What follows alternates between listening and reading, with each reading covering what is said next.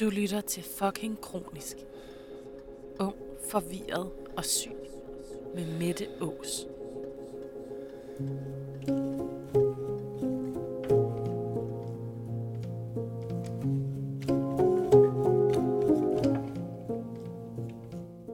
Mit navn er Mette, jeg er 24 år, og jeg lider af en kronisk leversygdom.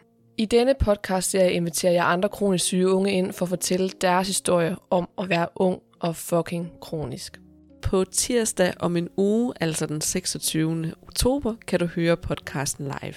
Jeg har inviteret debattør og foredragsholder Emma Holten med som gæst, og vi skal snakke om sex, krop og kronisk sygdom. Det kommer til at foregå i Folkehuset Absalon på Vesterbro i København. Dørene åbner kl. 19.30, og billetterne kan købes for 50 kroner på www.absaloncph.dk. Jeg glæder mig meget til at se jer. Dagens episode er helt speciel. Jeg har fantastiske Amalie med som gæst, og egentlig skulle vi have snakket om, hvordan man bliver påvirket psykisk efter et hårdt forløb på hospitalet. Men det ændrede sig i løbet af interviewet. For da Amalie hun fortæller, at hun på et tidspunkt bliver bedt om at planlægge sin egen begravelse, bliver jeg mildest talt målløs.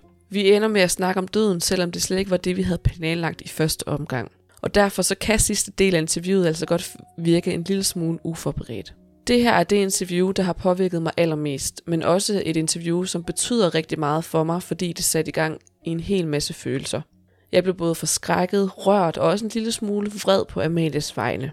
Jeg håber virkelig, I kan lide dagens episode, og måske sætter det også i gang i nogle tanker hos jer. I hvert fald så skal I tage rigtig godt imod Amalie.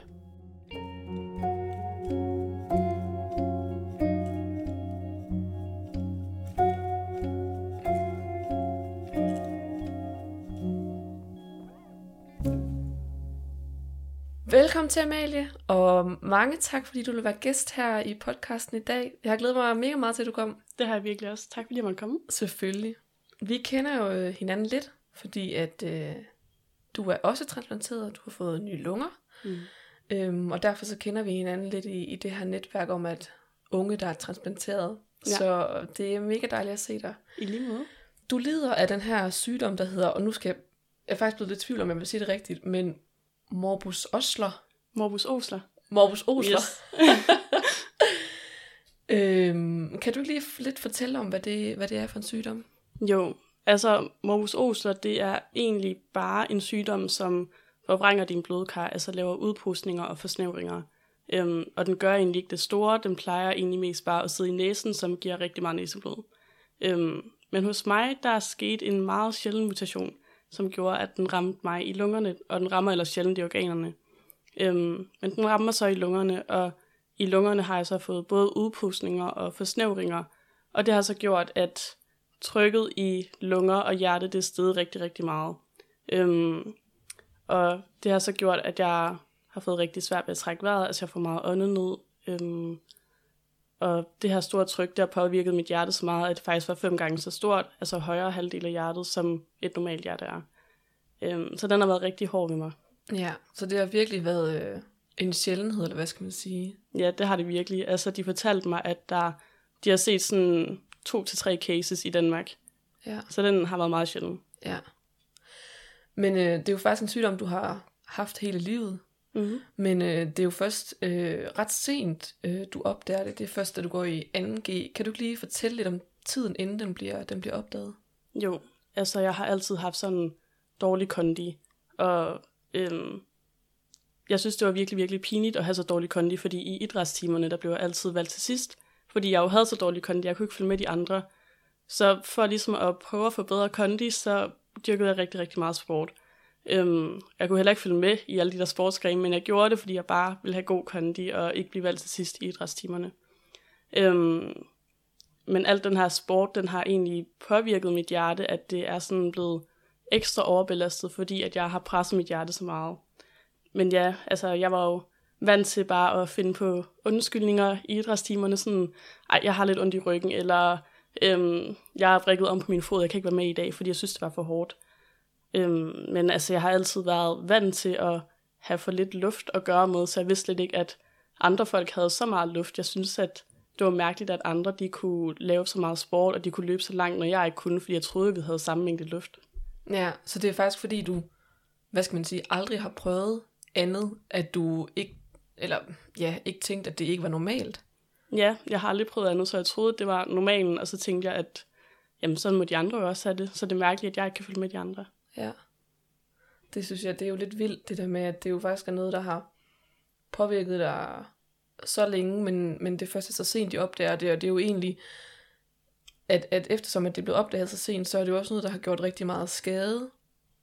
Og, øh, og den har jo så haft den indvikling på din krop, at, at du har haft rigtig svært ved at trække vejret, Ja, og, og dit hjerte er blevet meget forstørret. mm, det er det. Men du står der midt i 2G og bliver, bliver ret syg. Hvilke, hvad, hvad er det for en tid? Altså, det er en virkelig, virkelig hård tid. Jeg synes faktisk, at det var pinligt, at jeg var syg. Øhm, og jeg holdt det faktisk skjult for andre. Jeg lagde ikke noget op på de sociale medier, og jeg ville ikke have, at folk de gik og snakkede om det, fordi jeg var bange for folks meninger. Altså, om de troede, at det var selvforskyldt, om jeg havde rådet mine lunger i stykker, eller hvad det var. Øhm, så jeg ville ikke have, at nogen skulle vide, at jeg var syg.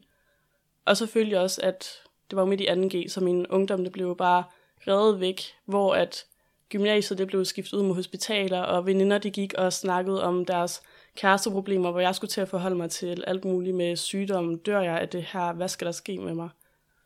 Øhm, ja, det var bare ret kontrastfyldt, at mine veninder de skulle gå op i fester og lektier, og jeg ikke kunne gå op i det samme ting længere. Ja. Da, den bliver, da, du, da de finder ud af, at, øh, at, det, at det er morbus Osler, du fejler, hvad, hvad, hvad siger lægerne til dig? Altså, de første gang, de kan se, at der er noget galt, så kan de bare se, at der er noget galt med mine lunger, at der er for stort tryk, men de kan ikke rigtig finde ud af, hvad det er. Øhm, og så senere finder de så ud af ved en, øh, jeg tror det er en scanning eller sådan noget, der kan de se, at mine blodkar, de ser helt forkerte ud. Og så kunne de jo konstatere, at det var, ja, Morbus Ozon, der havde givet det her kæmpe store tryk. Øhm, og så gik de ellers i gang med alt mulig medicin, som der fandtes på markedet. Jeg var på 60 behandling, og jeg var igennem hele registret af alt medicin, der fandtes. Øhm, men der var ikke noget, der hjalp. Ikke Nej. på mig. De prøvede ligesom på at lidt at undgå, at, at, at, øh, at, du skulle have, at du skulle have nye lunger, hvad Ja. skal man sige, fordi de ligesom prøvede at, prøvede at se, om de ikke kunne slå det ned med, med medicin. Ja, nye lunger, det er jo den sidste udvej, fordi at det jo ikke er en behandlingsmulighed, det er jo bare, ja, et chance for livsforlængelse. Ja, lige præcis. Hvad hvis, hvad hvis det var blevet opdaget tidligere? Hvad, hvad kunne det have gjort for dig? Altså, hvis det var opdaget tidligere, så kunne man måske have forhindret det på en eller anden måde. Man kunne måske have stoppet udviklingen af det, øhm, men det ved man desværre ikke, om, om det kunne have gået så glat. Ja. Ja. Så det, det, der var jo som sådan ikke nogen garanti for, at det havde, hvad skal man sige, var blevet anderledes, Nej, hvis det I var havde opdaget det tidligere. Nej. Mm. Du får så at vide, at, øh, at den eneste mulighed for, at, at du kan leve videre, det er, hvis du får nye lunger. Kan du huske, at du får det at vide? Ja, det kan jeg godt. Altså, jeg synes, det var meget sådan forskrækkeligt, at jeg skulle have nye lunger. Øhm, at mine, de skulle skiftes ud med nogle andres. Og så fortalte de også alle de der risici ved en lungetransplantation. Altså, det kunne jo være for det første, at jeg ikke ville overleve operationen. Øhm, og jeg kunne også risikere at dø lige efter operationen. Og så gav de mig også det der gennemsnit på, hvor lang tid man lever bagefter. Det er jo 5 til syv år. Og jeg synes, det var enormt unfair, og jeg sad der som 17-årig og skulle træffe det her valg. Altså, hvad vil jeg helst? Vil jeg gennemgå denne her operation, hvor jeg kunne risikere at dø, men sådan måske få en gennemsnitlig livstid på 5 til 7 år, eller vil jeg, jeg lade være med at tage operationen, og så vil jeg sådan have gennemsnitligt to år tilbage at leve i. Øhm, det var enormt svært for mig at skulle træffe det valg, altså hvornår jeg vil dø, øhm, og hvilken mulighed, der vil give mig bedst overlevelse øhm, eller bedst chance for overlevelse. Øhm, og det var uretfærdigt, at jeg skulle stå som 17-årig og træffe det valg omkring min død. Ja.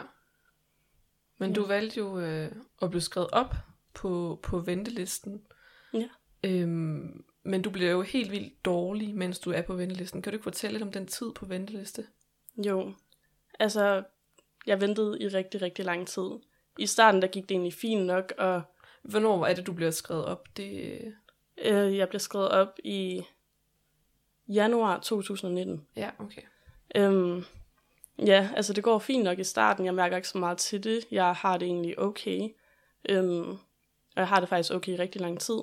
Men september 2020, tror jeg det er, øhm, der får jeg det faktisk rigtig, rigtig dårligt. Min værktrækning begynder at blive værre, og vi har trapper derhjemme. Og jeg kunne på et tidspunkt ikke sådan længere bevæge mig op ad trapperne, øhm, fordi det simpelthen blev for hårdt for mig. Så ja, jeg snakkede med Ride om det, og de kom faktisk frem til, at jeg skulle indlægges derinde, indtil jeg kunne få mine lunger, fordi at der var ikke trapper ind på Ride. så det var jo meget fedt. Øh, og så kunne de også holde øje med mig derinde, øh, hvis jeg nu skulle blive værre. Ja. Hvordan havde du det med det, at skulle indlægges? Det var forfærdeligt, fordi jeg vidste godt, at jeg kom ikke hjem derfra, før mine lunger de kom, fordi det ville jo ikke komme til at gå bedre. Det ville kun komme til at gå værre. Ja. Så jeg havde sat mit hoved op på, at her skal jeg være i noget tid. Ja. Hvad med den indlæggelse? Den ved jeg jo har været, har været rigtig hård. Mm. Kan du ikke fortælle lidt om den? Jo. Altså en måned efter jeg blev indlagt der i september 2020, øhm, der begyndte jeg at få det meget, meget værre. Altså jeg kan ikke rigtig gøre noget selv. Jeg kan ikke selv gå i bad. Det bliver for hårdt for mig at sidde med mine hænder op i mit hår og vaske hår. Øhm, det bruger for meget energi. Jeg kan ikke selv bevæge mig ud på toilettet. Jeg tror, der er 5 meter. Jeg bliver nødt til at blive kørt i kørestol derud. Jeg kan ikke øh, sove. Øhm, jeg bliver nødt til at sidde op og sove for, at jeg føler, at jeg kan få vejret ordentligt. Det var en virkelig, virkelig svær tid for mig, fordi det hele gik så hurtigt. Mit hoved det kunne ikke nå at følge med i, at jeg blev så dårligere på så kort tid. Ja. Og så begyndte det jo at gå rigtig, rigtig ned ad bakke. Og Ride, de begyndte at snakke om, hvad skal vi gøre for hende? Hun kan ikke blive ved med at ligge her. Øhm, hun bliver nødt til at have den rigtige omsorg og sådan en god tid. Fordi de godt vidste, at det var ved at være den sidste tid. Jeg havde ikke særlig lang tid tilbage at leve i. Nej. Øhm, så de sendte mig på børnehospice ude i Hellerup, Lukashuset. Øhm, fordi at det bare gik så meget ned ad bakke. Og øhm, Tanken om, at du skulle på børnehospice, bare ordet hospice, ja, det er jo et hårdt ord. Det ved man jo godt, at det er endestationen. Hvad, hvad, hvad tænkte du om det? Da jeg hørte hospice første gang, at de snakkede om det, der brød jeg bare sammen, fordi at, ja, hospice, det betyder jo endestationen, det her, man skal dø. Øhm, det var svært at blive bekræftet i, at jeg var så syg, fordi jeg vidste jo egentlig godt inderst inde, at jeg var syg, det kunne jeg mærke. Men det er svært, når en læge siger, at man er så syg, at man har brug for at komme på hospice. Ja. Prøvede de også at sige til dig, at det ligesom ikke er sikkert, det er endestationen for at berolige dig? Øhm,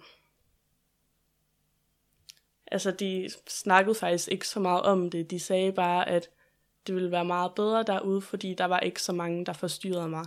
Fordi at, ja, der kom jo hele tiden ind og skulle ligge en ved siden af mig, fordi at det er to sengstuer på ride. Ja. Så det var egentlig det eneste, de sagde til mig. De sagde ikke så meget til mig. Jeg tror, at de kunne mærke, at jeg var meget påvirket af situationen. ja. Du kommer ud på ud til Lukashuset. Øhm, mm. hvordan, hvordan er det derude? Altså, det var et forfærdeligt sted. Det var meget hyggeligt. De gjorde det jo meget hyggeligt, men jeg synes, det var meget forfærdeligt at være der. Fordi at det er jo et hospice, og det mindede mig om, at, at jeg var tæt på at dø. At jeg ikke havde særlig lang tid tilbage at leve i. Øhm, og så var det meget trist derude. Og så turde jeg ikke at sove derude, fordi at jeg var bange for, at jeg ville dø, mens jeg sov. Øhm, og det var egentlig den der tanke, der gik igen hele tiden ud på hospice. Det var det her med, jeg dør snart. Jeg... Så det var meget svært for mig at være derude. Ja. Miraklet sker, fordi der kommer nye lunger til dig. Ja. Da, kan du beskrive, da du får det at vide? Ja, altså, jeg husker dagen ret klart faktisk. Der var tre sygeplejersker, der kom ind til mig, og de havde fortalt mig, at ude på gangen havde de faktisk sådan slået sten, saks, papir om, hvem der skulle fortælle mig det, fordi det havde de ikke prøvet før. um, så det var meget cute. Nå, så kommer de ind, og så siger de sådan, Amalie, der er kommet nye lunger til dig, og du skal opereres her om fire timer. Og de stod bare der alle sammen med det kæmpe store smil i ansigtet. Jeg var sådan, hold da op, er det nu? Um, og det var så mærkeligt, fordi altså det, det var jo en god nyhed, men jeg følte sådan alting og ingenting på samme tid. Altså, jeg følte mig tom, men stadigvæk så smilte jeg og græd jeg, og alle følelser for bare gennem mig. Ja. Øhm, og så skyndte jeg mig at ringe rundt til alle, jeg kendte, fordi nu skulle de bare vide, at nu var der kommet nye lunger. Øhm, men altså, som tiden nærmede sig, så blev jeg jo mere og mere bange, fordi at jeg vidste ikke, hvordan det her det ville ende ud. Var det mine sidste timer? Skulle jeg dø på operationsbordet? Ja, altså, jeg vidste ikke, hvordan det her det ville ende. Men der var sådan en lykke agtigt, fordi at nu var der jo en chance for, at jeg kunne komme tilbage til det her normale liv og ungdom igen. Ja. Og det var egentlig mest det, jeg holdt fast i, Ja. fordi det var det, der kunne holde mig oppe. Ja, det er jo sjovt, det har vi jo øh, i dem, de unge, andre unge, vi også kender, som alle sammen er blevet transplanteret. Og det er jo sjovt, fordi lige præcis det der, hvor man får det at vide, der er et nyt organ til dig, det er bare en dag, man kan huske Ja, mega øh, tydeligt. Jeg kan jo huske, at øh, min mor og jeg var nede og bytte nogle fødselsdags... Det er sådan lige omkring en uge efter min 18-års fødselsdag. Mm. Og vi var nede og bytte nogle fødselsdagsgaver, og, og bliver så ringet op i bilen på vej hjem. Øh, og så kan jeg bare huske, at resten af turen, der sidder min mor bare og tuder, og jeg Nej. sidder bare helt stoneface. Jeg ved ikke, hvad jeg skal føle. nej. Og det, det der, som du siger, det der med, at det er alle følelser, og alligevel ingen, og man ved slet ikke, altså man aner ikke, hvor man skal stå henne. Mm-mm. Og man, det er ligesom, om man sådan bliver sådan en eller anden zombie-agtig ting. Ja, det er altså, rigtigt. det, det er sindssygt mærkeligt. Det er sådan en helt vildt underlig følelse. Ja, Det er det Øhm, nemlig. Og det er fedt, du beskriver det, det der med, at man føler, at alle følelser flyver gennem en, men man kan ikke rigtig sådan udtrykke det, eller Mm. man føler ikke rigtig noget overhovedet. nej. Og ja, man bliver jo sindssygt glad, men også, som du siger, enormt bange for det, der så skal ske. Ja. Øhm, min krop var jo noget mere, hvad skal man sige, i gode øjne, rask i forhold til, i forhold til din. Ja. Var de bekymret for, at du ikke kunne klare det, fordi din krop havde været så påvirket? Ja, det var de faktisk. Der var faktisk kun en 50-50 chance for, at jeg ville overleve operationen. Også fordi, at morbus oser, det er jo også en blødersygdom. Øhm, så der var risiko for forblødning, og de vidste ikke, om mit hjerte ville kunne klare det her pres. Ja. Så der var en chance for, at jeg ikke ville overleve operationen. Ja. Det vi egentlig sådan havde snakket om, vi skulle, vi skulle tale om i dag, det er jo det her med, at man ligesom... Det er sådan, en- sådan en forventning havde jeg i hvert fald, og det ved jeg også, at du har haft, at, at når det her nye organ kom, og så tiden efter, så vil alt bare være fuldstændig fantastisk, og uden problemer, og uden noget som helst overhovedet. Øhm, og du har lige fortalt det der med, at du, det der sådan, det du sådan tænkte på, det var det der med, at nu skulle du have dit ungdomsliv tilbage. Ja. Ja. Var det også, lige inden du sådan blev lagt til at sove, hvad, hvad tænker du der? Øhm, jamen, jeg har den her tanke med, at jeg vågner ikke op. At det er her, jeg dør, og det er egentlig fordi, at jeg altid er så uheldig med alting, så jeg tænkte, hvorfor ikke også her? Øhm, men der var altså også den her tanke med, at okay, du, du vågner op, og du får dit ungdomsliv tilbage, og det var egentlig mest det, vi holdt fast i. Også mine forældre, altså, der var et spinkelt håb, og det var det, vi holdt fast i. Ja. Hvilke, altså, hvilke forhåbninger havde du egentlig omkring, sådan, hvad, hvad operationen ville gøre for dig? det var det her med, at jeg ville få mit liv tilbage. Ja. Øhm, altså få en ny chance i livet. Jeg vidste godt, at hvis jeg takkede nej, da de her lunger kom, så ville jeg jo kun have få dage eller uger tilbage at leve i. Øhm, så altså, der var, det var sådan lidt, dø af det ene, eller dø af det andet. Ja. Så det var egentlig min sidste chance, og jeg håbede på, at det ville gå. Og det gjorde det så. Ja. Og, ja. Ja. Det var, det, det var helt, ja, det var jo helt fantastisk, også fordi du jo virkelig, virkelig, som du selv siger, jo kun enten havde få dage eller få uger ja. tilbage. Og operationen går jo, går jo rigtig godt. Men det efterfølgende forløb er jo så lidt mere vanskeligt. Ja. Kan du ikke lige prøve at sætte nogle ord på det? Jo. Altså, jeg ligger i koma i fem dage, fordi at jeg bløder som forventeligt. Øhm, og så skal mit hjerte også falde til ro. Altså, det var jo på rigtig meget overarbejde. Øhm, og nu hvor der ikke var højt tryk i de nye lunger, så skulle hjertet lige finde ud af de nye omstændigheder og finde sig på plads. Øhm, og så vågner jeg op fra koma, og min krop den er bare gennemsmadret. Ja. Altså det føles som om, jeg blev kørt over sådan en lastbil over Ja. kassen. Øhm, og jeg har aldrig nogensinde oplevet så slemme smerter. Øh, og jeg havde det vildt dårligt, og jeg lå og klynkede konstant. Jeg havde så ondt af mig selv. Øhm, og det var benhårdt, og øhm, jeg fik det faktisk ikke bedre, og det kunne min sygeplejerske ikke rigtig forstå. Og jeg havde nul motivation til at tage medicin, eller spise, eller drikke. Jeg ville kun ligge i min seng. Øhm, og så ville de prøve at lære mig at hoste, og det kunne jeg ikke. Og det er rigtig, rigtig vigtigt, at man kan hoste, så slimen den ligesom kommer op. Fordi hvis den ikke kommer op, så sætter den sig i lungerne, og så klapper de sammen. Øhm, og det skete. Ja. En dag, der fik jeg det værre, faktisk værre end nogle af de andre dage. Og så kom røntgenholdet op på min stue om morgenen og tog et røntgenbillede, og det plejer de egentlig at gøre hver morgen, så der var ikke noget sådan specielt ved det. Det var bare sådan en rutine. Øhm, men de kunne se, at mine lunger de så sådan ret mærkelige ud på de her røntgenbilleder. Og øh, holdet på intensiv, de ville gerne have mig med i en MR-scanner, for at se, hvad der var galt. Men min ildmætning, den faldt så meget, at de kunne ikke rigtig få mig med i den her MR-scanner. Så først så ville de prøve at putte noget ild i min næse, for at transportere mig ned i den her scanner. Så de prøvede at skrue op for ilden op på 50 liter i minuttet. Og det var ikke nok. Øhm, og så tog de sådan en Rubensballon, det er sådan en maske med en ballon for enden, så de kan overtage min vejrtrækning. Og det var der en af sygeplejerskerne, der gjorde. Og jeg kiggede jo meget skam på ham, fordi jeg var meget afhængig af, at han trykkede på den her ballon. Så jeg sørgede for at holde øjenkontakt med ham hele tiden. Og den sygeplejerske, der passede mig, hun tog sådan en hjertestartertaske på ryggen. Øhm, og så på vej ud af døren, der sagde hun til min mor sådan, jeg ved ikke, hvordan det her det ender, men vi håber på det bedste. Ja. Og så kom jeg op fra scanneren, og min ildmætning den faldt yderligere, øhm, og jeg måtte så tilbage i respirator. Og det var mega klaustrofobisk at have et rør, som fyldte hele ens sådan, luftrør. Ja, så du var vågen, mens øh, du var i respirator. Ja, det var jeg, ja. og det var så klamt.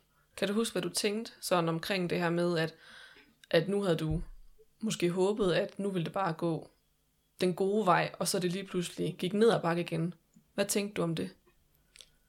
Øhm, altså, jeg havde jo bare håbet, at det bare ville gå fremad. Jeg havde slet ikke tænkt på, at det kunne gå nedad igen, at Nej. man skal tage to skridt frem for at gå et tilbage. Jeg troede kun, det var to skridt frem hele tiden, at jeg hurtigt ville få det bedre.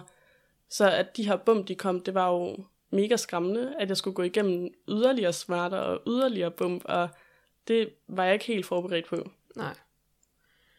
Og det er jo det er også noget af det, jeg kan huske allermest. Øhm, var jo det her med, at der kom hele tiden bump på vejen. Ja. Så var der så afstødte min krop leveren, og så Mm. var der det ene, og så var det andet, og så drev, der, hvad hedder det, øhm, dannede min krop antistoffer, og så skulle, og så skulle blodet rense, så der var bare så mange ting. Ja. Øhm, men, og der var, jeg kan også huske, der var på et tidspunkt, hvor jeg sådan tænkte, hvorfor fanden har jeg sagt ja til det her? Eller sådan, mm. Mm. hvorfor har jeg sagt ja til, at jeg vil, at, øh, at jeg vil have den her nye lever, fordi det er jo, det er jo overhovedet ikke blevet bedre. Mit liv er da overhovedet ikke blevet bedre. ja.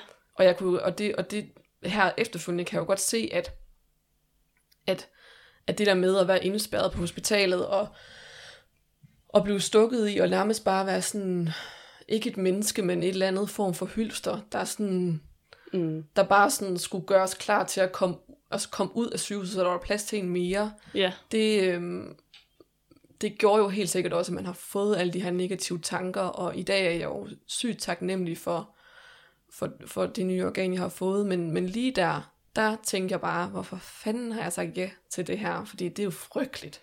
Det tænkte jeg også, og jeg tænkte også flere gange, kan jeg ikke bare dø? Altså, de her smerter, de er simpelthen udholdelige. Kan jeg ikke bare, kunne jeg ikke bare have været død i stedet for? Ja, tænkte du virkelig det? Det gjorde jeg. Ja. Jeg råbte flere gange til sygeplejersken, at jeg kan ikke mere. Hvad sagde de til dig? Jamen, de, altså, det var verdens bedste hæppehold. De stod sådan, kom så Amalie, du kan godt, så stod de og klappede af mig ved de mindste ting. Um, og det var det, der holdt mig oppe. Men jeg havde slet ikke håb tilbage der, overhovedet ikke. Nej. Men det går jo heldigvis bedre, og, øh, men, men efter at du har været indlagt så lang tid, og du ligesom har været sengeliggende så lang tid, og alle de her ting, så skulle du mm. nærmest lære alt fra bunden igen. Ja, det skal jeg. Ja. Og det var så mærkeligt, fordi at mit hoved, det tænkte jo, at jeg sagtens kunne alting. Altså alt det, jeg plejede, det kunne jeg bare. Øhm, og man glemmer ikke lige, hvordan man spiser, eller hvordan man sætter sig op, eller altså, hvordan man løfter armen eller noget. Min krop havde glemt alle de her ting. Min hoved havde ikke glemt de her ting. Øhm, og altså, jeg havde ikke kræfter til noget. Jeg skulle lære at spise, men jeg kunne ikke rigtig finde ud af det der med at spise. Så først skulle jeg lære at tykke, og så skulle jeg lære at tykke og synke, og så skulle jeg lære at tykke og synke og trække vejret samtidig, og det er altså ikke særlig nemt. Øhm, og så skulle jeg lære at sætte mig op, og så skulle jeg lære at holde balancen, mens jeg sad op. Og det er alle de der små ting, som man ikke tænker over. Jeg kunne ikke engang løfte armen, så når jeg skulle løfte armen for at skrive min kode, så jeg kunne komme ind på Netflix. Altså det kunne jeg ikke engang, så det måtte min mor sidde og gøre. Øhm, men jeg havde heldigvis nogle fysioterapeuter og sygeplejersker, som hjalp rigtig meget med den her genoptræning, og sygeplejerskerne, de var gode til at sige, at jeg skulle op og stå flere gange om dagen, og at jeg skulle øhm, ja, sådan lige prøve at tage min arm lidt længere op over hovedet, så de også kunne få den her motorik tilbage. Men det hele, det var bare væk. Det var så mærkeligt. Ja. Havde du også en, nu tænker jeg på der, om du også havde den der følelse af sådan, seriøst, mener I det her? Eller sådan, altså virkelig sådan, hvordan Ja. fanden kan det lade sig gøre, at jeg kan glemme det her? Ja. Jamen altså, det var også det der med, at ja, hovedet vidste jo godt, hvordan man skulle gøre, men kroppen den kunne bare ikke følge med. Og det tænker man ikke lige over, at, øh, at det kan ende sådan.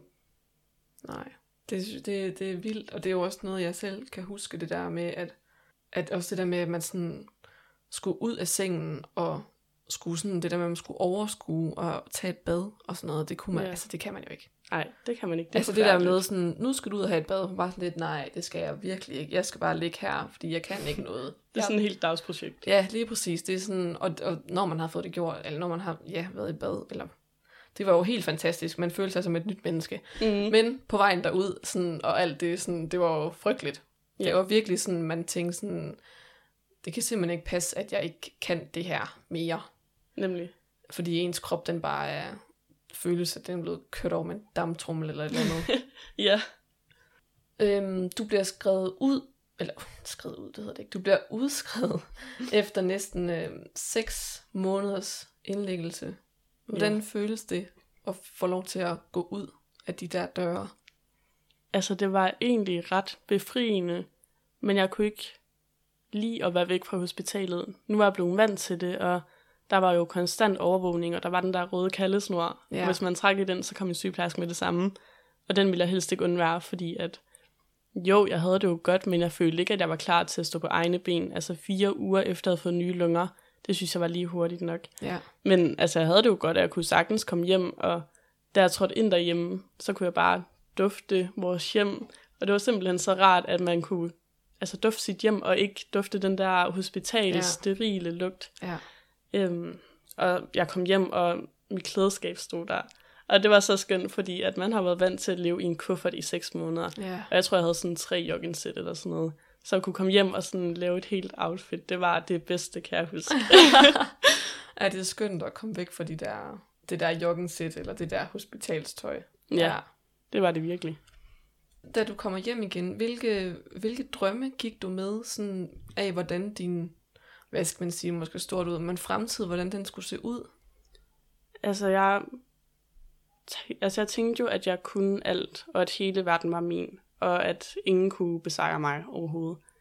Øhm, og jeg var sådan høj på den her lykkefølelse af, at wow, jeg har overlevet, hvor er jeg sej.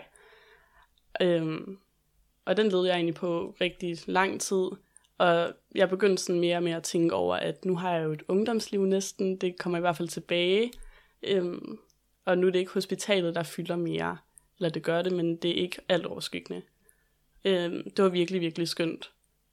Og så begyndte jeg sådan at kunne planlægge lidt længere ud i min fremtid, det har jeg jo kunne førhen. Og så begyndte jeg at tænke over, "Nå, men hvad vil jeg egentlig være, og hvad skal jeg læse videre til, hvad vil jeg egentlig senere hen, hvor vil jeg bo henne, øhm, hvad vil jeg med mit liv. Og det var skønt at have sådan nogle følelser, i stedet for at skulle sidde og tænke, Nå, hvad farve skal min kiste være, hvis jeg dør, hvilke sange skal spilles i kirken. Så det var nogle helt andre tanker, jeg kunne tænke nu. Havde du planlagt det?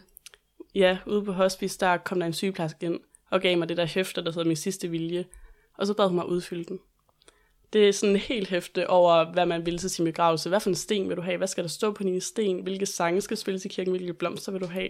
Så det var ikke engang noget, du selv bedte om at udfylde, det var noget, du skulle? Ja. Øh, skulle? Altså skulle man det? Det skulle jeg. Ja, det var et hospice, jeg skulle til at dø. Værsgo, her får du et hæfte. Så kan du udfylde den. Ej, seriøst? Ja, helt seriøst.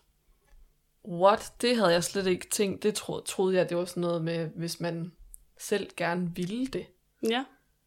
Synes du ikke, det var... Blev du ikke næsten... Ej, det ville jeg næsten blive lidt sur over, eller gal, eller hvad skal man Ja. sige, eller sådan lidt... Jeg ved ikke, om man kan kalde det, det ved jeg ikke, sådan lidt overgrebagtigt, fordi jeg sad yeah. og holdt fast i sådan lidt et håb med, at de her lunger, de kommer jeg fra ungdomslivet tilbage. Værsgo, så får du lige en lussing her, du skal planlægge din begravelse. Ej, hvor vildt. Det er virkelig vildt. Og også, at man gør det på et hospice. Jeg ved godt, at man står der og skal til muligvis at dø, men altså, det er stadigvæk sådan at få smækket den i hovedet. Hold det op, det vidste jeg slet ikke. Nej. Ej, hvor vildt. Ja. Shit. Det synes jeg heller ikke var helt okay. Jeg vil næsten, jeg tror næsten, jeg vil få den følelse af, at de nærmest havde givet op på dig. Ja, Eller sådan, at de havde givet op på en. men det havde de også derude. Jeg kan huske, en af lægerne sagde til min far, vi tror ikke, hun overlever. Mens du hørte på det. Nej, hun sagde det til min far. Nå, Hun sagde okay. det ikke til mig. Men øhm, de, altså, der var virkelig en følelse af, at de havde givet op på mig, og at det bare var dømt, at jeg skulle dø. Hvordan holdt du så modet op selv? Jeg havde ikke rigtig noget mod, faktisk. Jeg var rigtig nærmest deprimeret derude. Altså, jeg var meget trist hele tiden derude.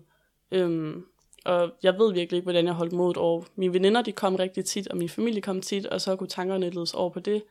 Og så om aftenen, når det blev slemt, så sad jeg og malede eller tegnede, fordi så havde man jo fokus på det. Ja. Øhm, men ja, om natten, det var, det var værst. Øhm, det var der, alle tankerne kom.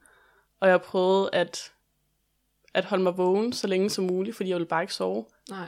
Så det blev jo sådan en helt altså, forvrænget dag, hvor jeg sov klokken lort om natten og stod op til middag og øh, prøvede at aflede mine tanker hele tiden. Det var forfærdeligt. Ja. Fik du udfyldt den der bog? Det gjorde jeg. Ja, Ej, selvom jeg ikke havde lyst, så gjorde jeg. det forstår jeg simpelthen ikke, at man er nærmest bliver tvunget til det. Nej, Det synes jeg er fuldstændig vanvittigt. det er det også. Det, havde, det vidste jeg simpelthen ikke. Mm. Det synes det bliver meget... Øh... Det synes jeg er utroligt, sådan, ligesom det der, du siger, at det føles næsten som et overgreb. Ja, På en eller anden måde. men det gør det. Var der slet ikke nogen, der sådan... Ja, det ved jeg snart, hvad jeg skal sige. Men der, var der slet ikke nogen, der sådan... Den behøver du udfylde, eller sådan... Altså, de sagde jo sådan, at, at jeg godt måtte udfylde den, at jeg sådan lidt selv må bestemme det, men altså, bagbesætningerne kunne man godt høre, at den skal udfyldes. Fordi det er vigtigt, dine ønsker. Jeg kunne selvfølgelig godt lade være med at udfylde den, men hvis jeg nu ville have nogle sidste indvendinger, Ja, så var det jo nødvendigt, at jeg udfyldte den. ja. Kan du huske, hvilke tanker du havde, dengang du udfyldte den? Altså, Det- hvad, hvad tænkte du på? Hvad sådan... Altså, jeg tror slet ikke engang, jeg vil vide, eller sådan... Mm. Øh, det der med, hvis du skal vælge en sang. Ja, Det ville jeg slet ikke vide, hvad jeg skulle vælge, altså. Nej, men det var også så surrealistisk, at jeg skulle sidde og planlægge min egen begravelse. Altså, jeg kunne jo slet ikke forholde mig til, at det var mig, der skulle ligge nede i, kisten, at det var mig, der skulle være for enden af kirkegulvet, at det var sang, der skulle spilles, mens jeg lå ned i den kiste. Det kunne jeg slet ikke forholde mig til, så jeg skrev bare ned de ting, jeg kunne lide. Når jeg kan lide lilla, så skal min urne være lilla, eller whatever. Sådan tænkte jeg sådan meget, øh, hvad kan jeg lide? Det skal være Ja. noget. Men ikke sådan, altså det var bare svært at tænke på, at det var mig, der skulle ligge der i. Ja. Hvad med, din, hvad med dine forældre? Hvad, hvad sagde de til omkring den, det her med, at du skulle udfylde den der bog? Jeg fortalte det ikke til dem. Øhm, jeg har egentlig prøvet sådan at holde de værste ting skjult for dem, fordi at jeg ikke vil gøre dem yderligere ked af det. Og set i bagspejlet har det jo været øhm, et dårligt valg, fordi selvfølgelig vil de jo gerne blandes ind i det og vide, hvad der sker og sådan noget. Øhm, men jeg havde bare så dårlig samvittighed med, at det var mig, der var syg, og øh, at jeg skulle gøre dem ked af det, hvis jeg døde, og jeg ville bare ikke snakke om alle de hårde ting med dem. Jeg kunne ikke lide at se dem ked af det. Og jeg følte, det var min skyld, at jeg havde gjort dem ked af det. Ja. Har du fortalt dem efterfølgende, at du har udfyldt den der bog? Nej. Det har jeg ikke. Har du gemt den? Jeg har gemt den. Just in case, at man dør ikke. Som 17-årig har man nok ikke særlig mange penge eller noget som helst. Mm. Men hvad med testamente? Skulle du også skrive det? Altså, det bad de mig ikke om, men jeg skrev sådan lidt inde i Google Docs dokument, hvor mine ting de skulle hen, og hvem der skulle have hvad. Men jeg nåede aldrig videre med det, fordi at det blev lidt for uoverskueligt for mig. Ja. Øhm, så det gjorde jeg ikke yderligere i. Var der nogle specielle ting, som, som du ville have, der var nogen, der skulle have? Eller sådan... Øhm, altså, der er nogle ting, jeg har arvet, for eksempel fra min morfar, som ikke er ham mere. Så det er helt klart nogle ting, min mor skulle have, og så er der nogle ting, som min lillebror og jeg har en særlig knytning til, som han skulle have. Øhm, og altså bare ting med speciel betydning, det er dem, jeg har skrevet ned, som vi familie og veninder skulle have. Men det er bare sådan lidt mærkeligt, at skulle skrive testamente til, hvad sine forældre skal have. Det burde være sådan omvendt, at ja. Ja. de skrev testamente til, hvad jeg skulle have. Ja. Men sådan er det ikke. Nej.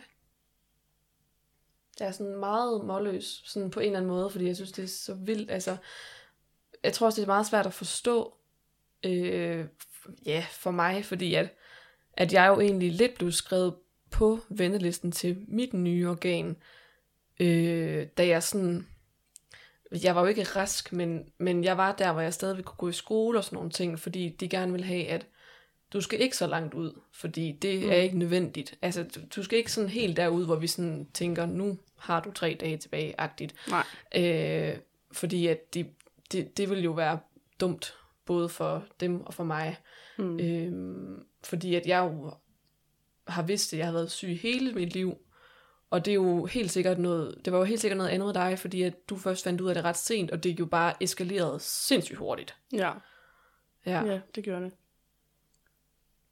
Hvordan, nu, tænk, nu snakkede vi om det der med, at du synes, at det var mærkeligt, at øh, det der med, at du sådan skulle sidde og planlægge det, du, du kunne ikke forstå, at det var dig selv, der skulle være i den kiste, hvis det var. Nej.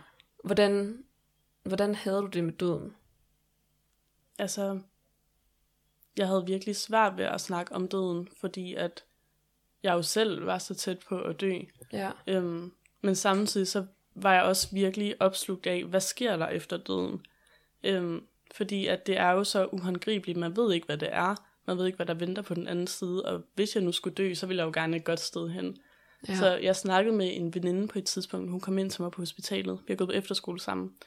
Øhm, og så gav hun mig sådan en bog omkring, hvad der sker med sjælen, efter man dør.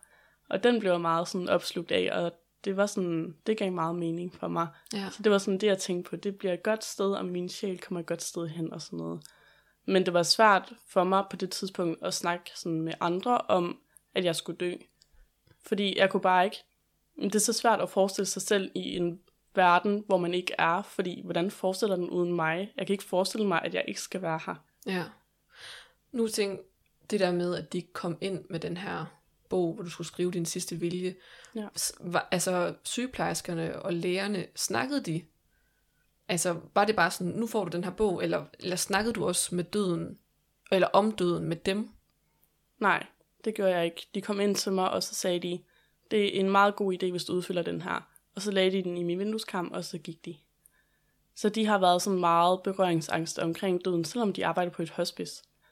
Øhm, så jeg havde ikke rigtig nogen at snakke med om. Jo, jeg snakkede med hospitalspræsten fra Ride, men det var stadigvæk svært, at det ikke bare var noget, alle kunne snakke om, og jeg ikke selv kunne snakke om. Ja. Vil, vil du ønske, at de havde været bedre til at snakke om det? Ja, helt klart. Altså, det havde måske også fået nogle af... Mm, ja, det havde måske hjulpet mig til at kunne formulere nogle af mine tanker, og de kunne snakke om sådan... Mm, altså sådan berolige mig på en måde, mm. selvom det er jo svært at berolige en, der står på dødens rand, men stadigvæk sådan bare få snakket om det. Ja. Det havde gjort meget. For jeg tænker, det der med for eksempel, bare det der med at kunne få hjælp til at udfylde den der bog, fordi det er jo, Ja, det er jo nogle vanvittige spørgsmål, som du siger, hvad farve skal din kiste være, eller hvad skal der synges i kirken? ja, At det, det kan jo, også fordi du jo havde det mega dårligt øh, fysisk og jo også psykisk, mm. men bare det der med, at man ligesom kunne sætte ord på, øh, også få, få hjælp til det, det tænker jeg, der har været, havde været essentielt på en eller anden måde. Ja, det havde det virkelig. Det var svært at skal sidde selv og tage stilling til sådan noget. Det havde helt klart været nemmere, hvis de bare lige havde siddet og snakket sådan med mig om det. Ja, Ja, det havde måske gjort det ikke så voldsomt. ja. Var du bange for at dø? Ja, det var jeg faktisk. Øhm, jeg er ikke sådan bange for selve døden, men du ved sådan det der, øhm, lige inden man dør, altså om jeg vil have mange smerter, om jeg vil føle, at jeg blev kvalt. Øhm, ja, det der med, hvordan man dør. Ja. Men også det der med, at, at man bare ikke kan forestille sig selv dø, at man ikke er i verdenen. Nej. Det skræmte mig også. Ja, fordi jeg tænker nogle gange det der med, at man jo tit hører om folk, der er virkelig, virkelig syge, at de så lidt, hvad skal man sige, ja, det er også mærkeligt at sige, accepteret, at de skal dø. Mm. Havde du accepteret, at du nok skulle dø? Altså, jeg vidste godt, at jeg måske skulle dø, men jeg vil ikke acceptere det, fordi jeg var jo slet ikke færdig med at leve. Nej. Der var så mange ting, jeg skulle nå i mit liv, så jeg skulle i hvert fald ikke dø. Så det var faktisk næsten mere bagefter, hvor du havde været igennem operationen, og det hele var så uoverskueligt, Ja, at du næsten havde lyst til at give op. Men da du ventede på lungerne, der... ja. Ja, det var egentlig mest efter, fordi at jeg kunne, mm, der kunne jeg bedre mærke, hvor hårdt det var. Det var svært inden, fordi jeg vidste godt, at jeg var mega syg, men jeg har altid været vant til lidt luft, og det var, min krop den havde jo egentlig bare vendet sig til, at nu var der lidt mindre luft, du kunne gøre godt med, og nu var der lidt mindre luft, og sådan fortsatte det jo i hele mit forløb. Så min krop den havde jo egentlig bare været vant til det. Jeg kunne godt mærke, at der ikke var særlig meget luft, men min krop den indstillede sig bare. Så det var svært at sådan mærke, hvor syg jeg egentlig var. Ja, så det var først efter operationen. Ja, Ja. Snakkede du med dine forældre om, om, om døden? nej, det gør jeg ikke. Øhm, det er igen et meget sådan hårdt emne, for hårdt ja. At snakke med dem om. Øhm, jeg ville sagtens kunne, men jeg havde bare ikke lyst til at gøre dem yderligere ked af det. Og jeg ved godt, man, man kan ikke gøre dem yderligere ked af det. Altså realiteten er, som den er, men jeg vil bare ikke, jeg vil bare ikke gøre dem ked af det, selvom at jeg, de jo godt vidste, at jeg skulle dø, og jeg godt vidste det. Var der andre end, end øh, hospitalspræsten, du snakkede med det om? Nej, det var der faktisk ikke. Det var også svært at snakke med sine veninder om, fordi de kan jo godt snakke om det, men det er jo svært for dem at sætte sig ind i. Mm. De kan jo godt sige, men det forstår jeg godt, det er øv og sådan noget, men de kan ikke, de kan ikke relatere. Nej, det, det, er jo- det er jo også det, jeg har oplevet, men nu har det jo så Mm. lige været, været døden, men alligevel så har jeg også, eller det har jeg også snakket, snakket om mange gange i podcasten, at, der, at folk har svært ved ligesom at, at relatere til det. Ja, Øh, men jeg tænker alligevel, at sådan, at døden er det mest ultimative, man ikke kan relatere til, og slet ikke som Mm. ung, fordi man jo tænker, at det er sådan noget, man skal tænke på, når man bliver gammel. ja nemlig. Ja, Ja, så der var ikke særlig mange, man kunne snakke med det om. nej. Hjælp, hjælp hospitalspræsten der med ligesom at, hvad skal man sige, forstå. Ja, altså det hjælper med at få sat ord på nogle af de svære ting, og at forvente nogle af de trælse situationer.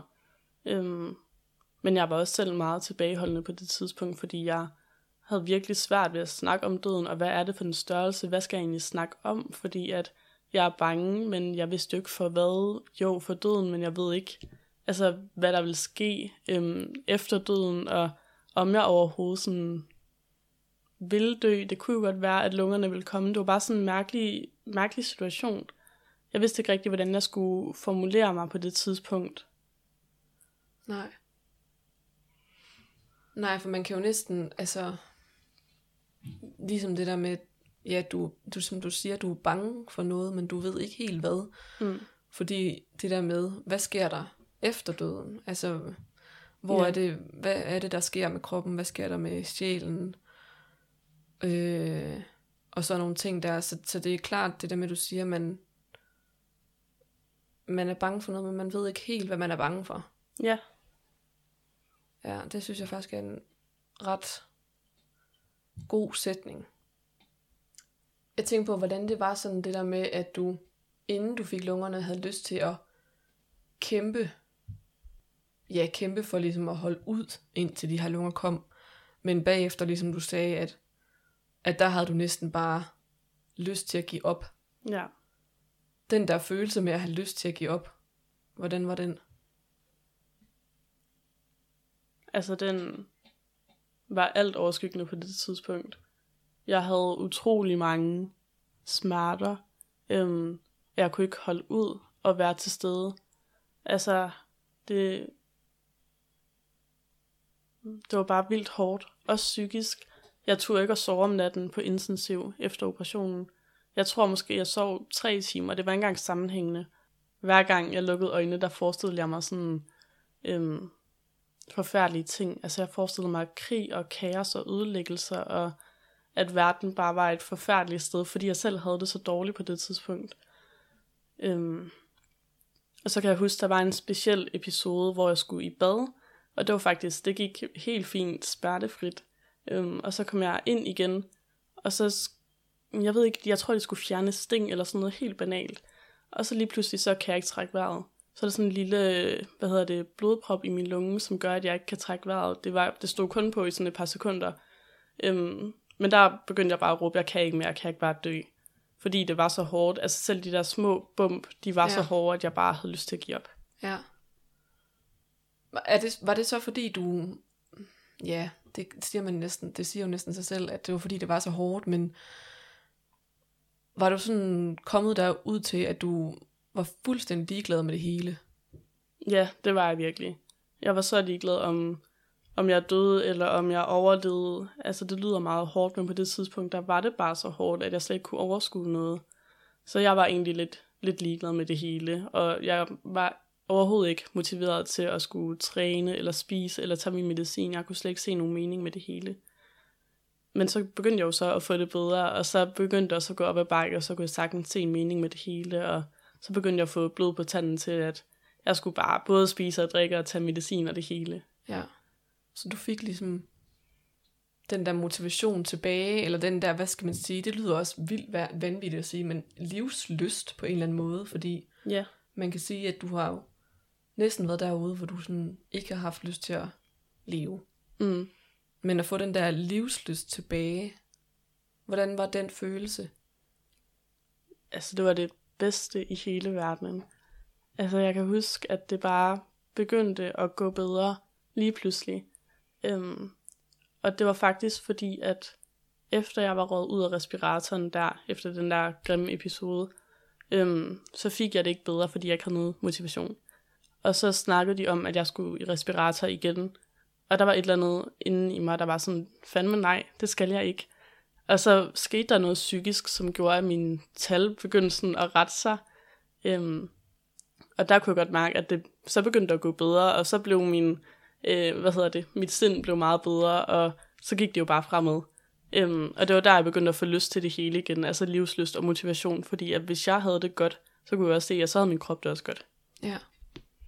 Så, så at du følte næsten, at, at det, at du ligesom, hvad skal man sige, fik liv, livslyst tilbage, også gjorde, at din, din krop ligesom tænkte, nå, jamen så kan vi godt kæmpe for det. Ja, Ja, det var det, der gjorde det. ja. Det synes jeg er en ret vild tankegang egentlig. Mm. Ja, det er ret vildt.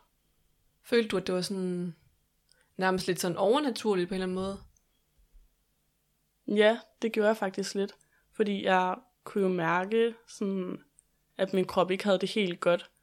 Øhm, og der altså, ligesom var alle de her bump, og det der med, at de snakkede om, skulle, at jeg skulle i respirator igen. Øhm, og det bare kunne rettes med, at mit sind ligesom blev bedre.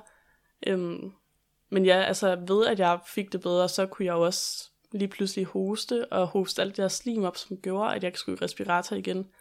Så jeg rykkede mig virkelig meget ved bare at sådan have motivationen og ja, livsglæden igen. Ja. Det synes jeg, det synes jeg jo er vildt. Og det er jo også bare, kan man jo også bare sådan se, at det virkelig har noget med hinanden at gøre. Det her med kroppen og hovedet, og hvordan Mm. man sådan har det psykisk, at det også påvirker kroppen rigtig meget. Ja, det gør det. Øhm. Og nu kommer jeg sådan mega meget til at tænke på, om, om det kunne have haft nogen indvirkning for mig egentlig, fordi at jeg jo virkelig var deprimeret, hvis man kan sige det på, og det er næsten pænt sagt, Ja. øhm, i den der efterfølgende tid, hvor at der ikke var nogen tal, der ville arte sig overhovedet, og jeg kom bare længere og længere ned i det der sorte, sorte hul, Mm. hvor jeg, hvor jeg nu, lige nu i det her, der kommer jeg til at tænke på, at hvis nu at jeg havde ligesom haft et eller andet vendepunkt, ligesom dig, eller haft en eller anden anden form for motivation, at det så havde gjort, at, at det forløb kunne have været mere, min, ja, mere smertefrit, eller hvad skal man sige. Ja, det kunne godt have været. Ja, det er jo sjovt. Altså, det er jo mærkeligt at tænke på Mm. nu, Ja, det er det. på en eller anden måde. Ja. Øhm, hvordan har du det i dag, Amalie? Altså, jeg har det meget godt i dag. Øhm, min lungefunktion er som en normal på min alder, og det er jo virkelig, virkelig skønt, at jeg er nået så langt. Men det er jo stadigvæk svært sådan her tiden efter transplantationen. Især fordi, at det har påvirket mig ret psykisk at ligge i respirator og ligge i koma og være tæt på at dø. Jeg er, eller jeg har fået sådan en panikangst. Det var egentlig mest i starten, at jeg mærkede til den. Nu kommer det kun sådan i ny og næ. Men fordi jeg har været så tæt på at dø, så hvis jeg mærker det mindste i dag, for eksempel at øhm, når min arm gør lidt ondt, nå, men det har jeg egentlig også hørt, at det er et symptom på hjertestop, eller sådan et eller andet. Mm. Så kan jeg begynde at sådan overtænke, og så er jeg sådan, nå, nu dør jeg. Ja. Altså det var det. Øhm, og så kan jeg sådan blive helt svimmel og besvime. Øhm, så det har klart sat sig psykisk, hele det her intense, hårde forløb. Og det skal man ja, virkelig ikke negligere, fordi at sådan noget psykisk, det følger os med, og det er ikke bare en dans på roser at være transplanteret. Øhm, det er der virkelig mange, der tror, det er det. Bare lige få et nyt sæt lunger, og så er det good to go. Men der er altså også meget efterfølgende.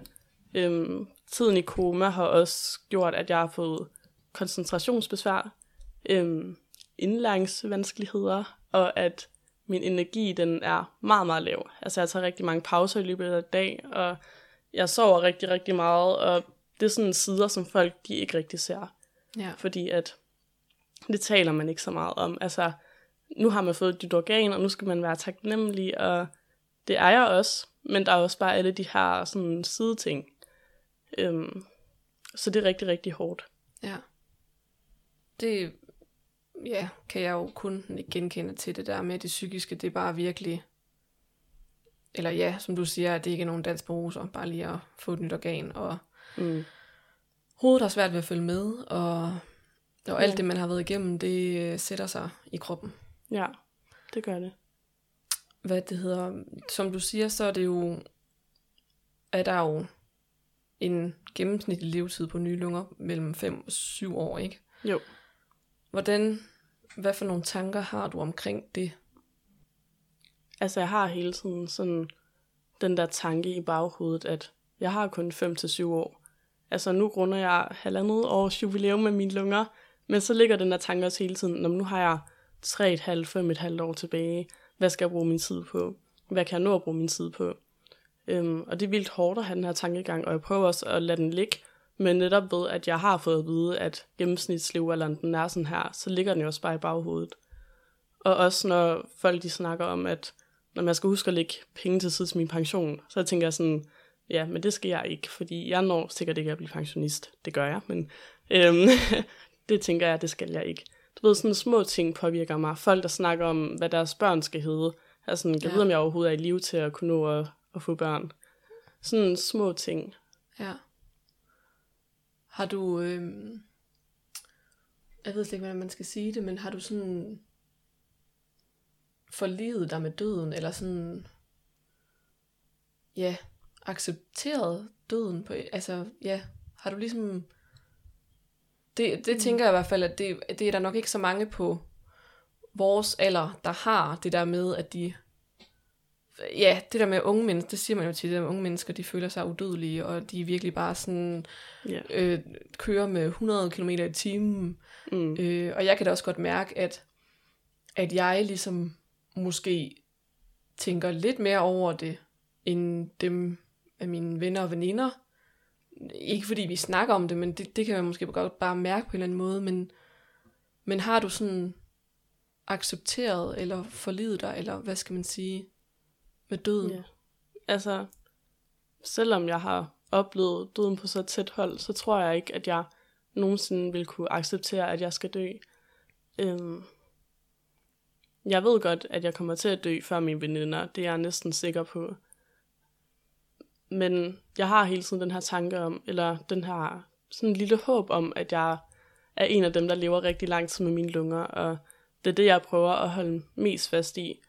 Øhm, og jeg tror også, selvom at jeg ligger næste gang og er tæt på at dø, fordi den dag, den kommer, øhm, så tror jeg stadigvæk ikke, at jeg vil kunne acceptere, at jeg skal dø. Men det synes jeg jo også er en lidt, øhm, på en eller anden måde, fin tankegang, fordi så ved man jo, at det er fordi, du har noget at kæmpe for. At det er fordi, du Ja, er glad for livet. Man mm. Kan sige det, lyder Ja. mega klichéagtigt. Ja, at, Mm. at det er fordi, man har noget at kæmpe for, fordi man er glad for livet, og fordi man ja, ligesom gerne vil det. ja det er ja. rigtigt.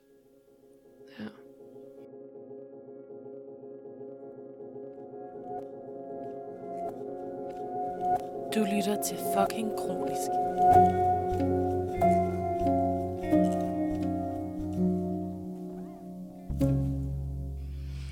Nå, men vi er ved at nå til, øhm, til vejs ende, og vi har jo det her fine citat fra, fra Peter Myggen. Øhm, han fik en lort og gjorde det til en gave. Øhm, og det er jo det, jeg sådan plejer at spørge alle mine gæster om, det der med, hvad, hvad du ligesom tænker er din, det bedste ved din sygdom. Det lyder også mærkeligt at sige det, men, og hvad man har Mm. lært, hvad man ligesom kan tage med sig. Ja. Altså, det lyder måske helt hen i vejret, fordi at jeg har været så dødelig syg og så alvorlig syg, men jeg vil aldrig nogensinde have været for uden, at jeg har været så syg, fordi at den bare har lært mig så meget, og jeg tror, hvis jeg selv skal sige det, at jeg har lært meget mere, øhm, og jeg har meget mere livserfaring, end de fleste når at få gennem deres liv, fordi den her sygdom, den bare har været så intens, og den har åbnet mine øjne for sådan, hvad jeg vil bruge mit liv på, og hvem der skal være i mit liv, og hvad der giver mig god energi, og den har virkelig gjort noget ved mit liv. Den har vendt det 180 grader, og det er jeg så taknemmelig for, selvom at den har været så tæt på at dræbe mig. Ja. Det synes jeg er en super fin gave, hvis man kan sige det sådan. Ja, Tusind tak, fordi du vil være øh, gæst, Amalie. Det har været super spændende og meget rørende og meget øh, øjenåbne for mig, mm. hvis man kan sige det sådan, at have dig som gæst. Tusind tak, fordi du var med. Tak, fordi jeg måtte komme.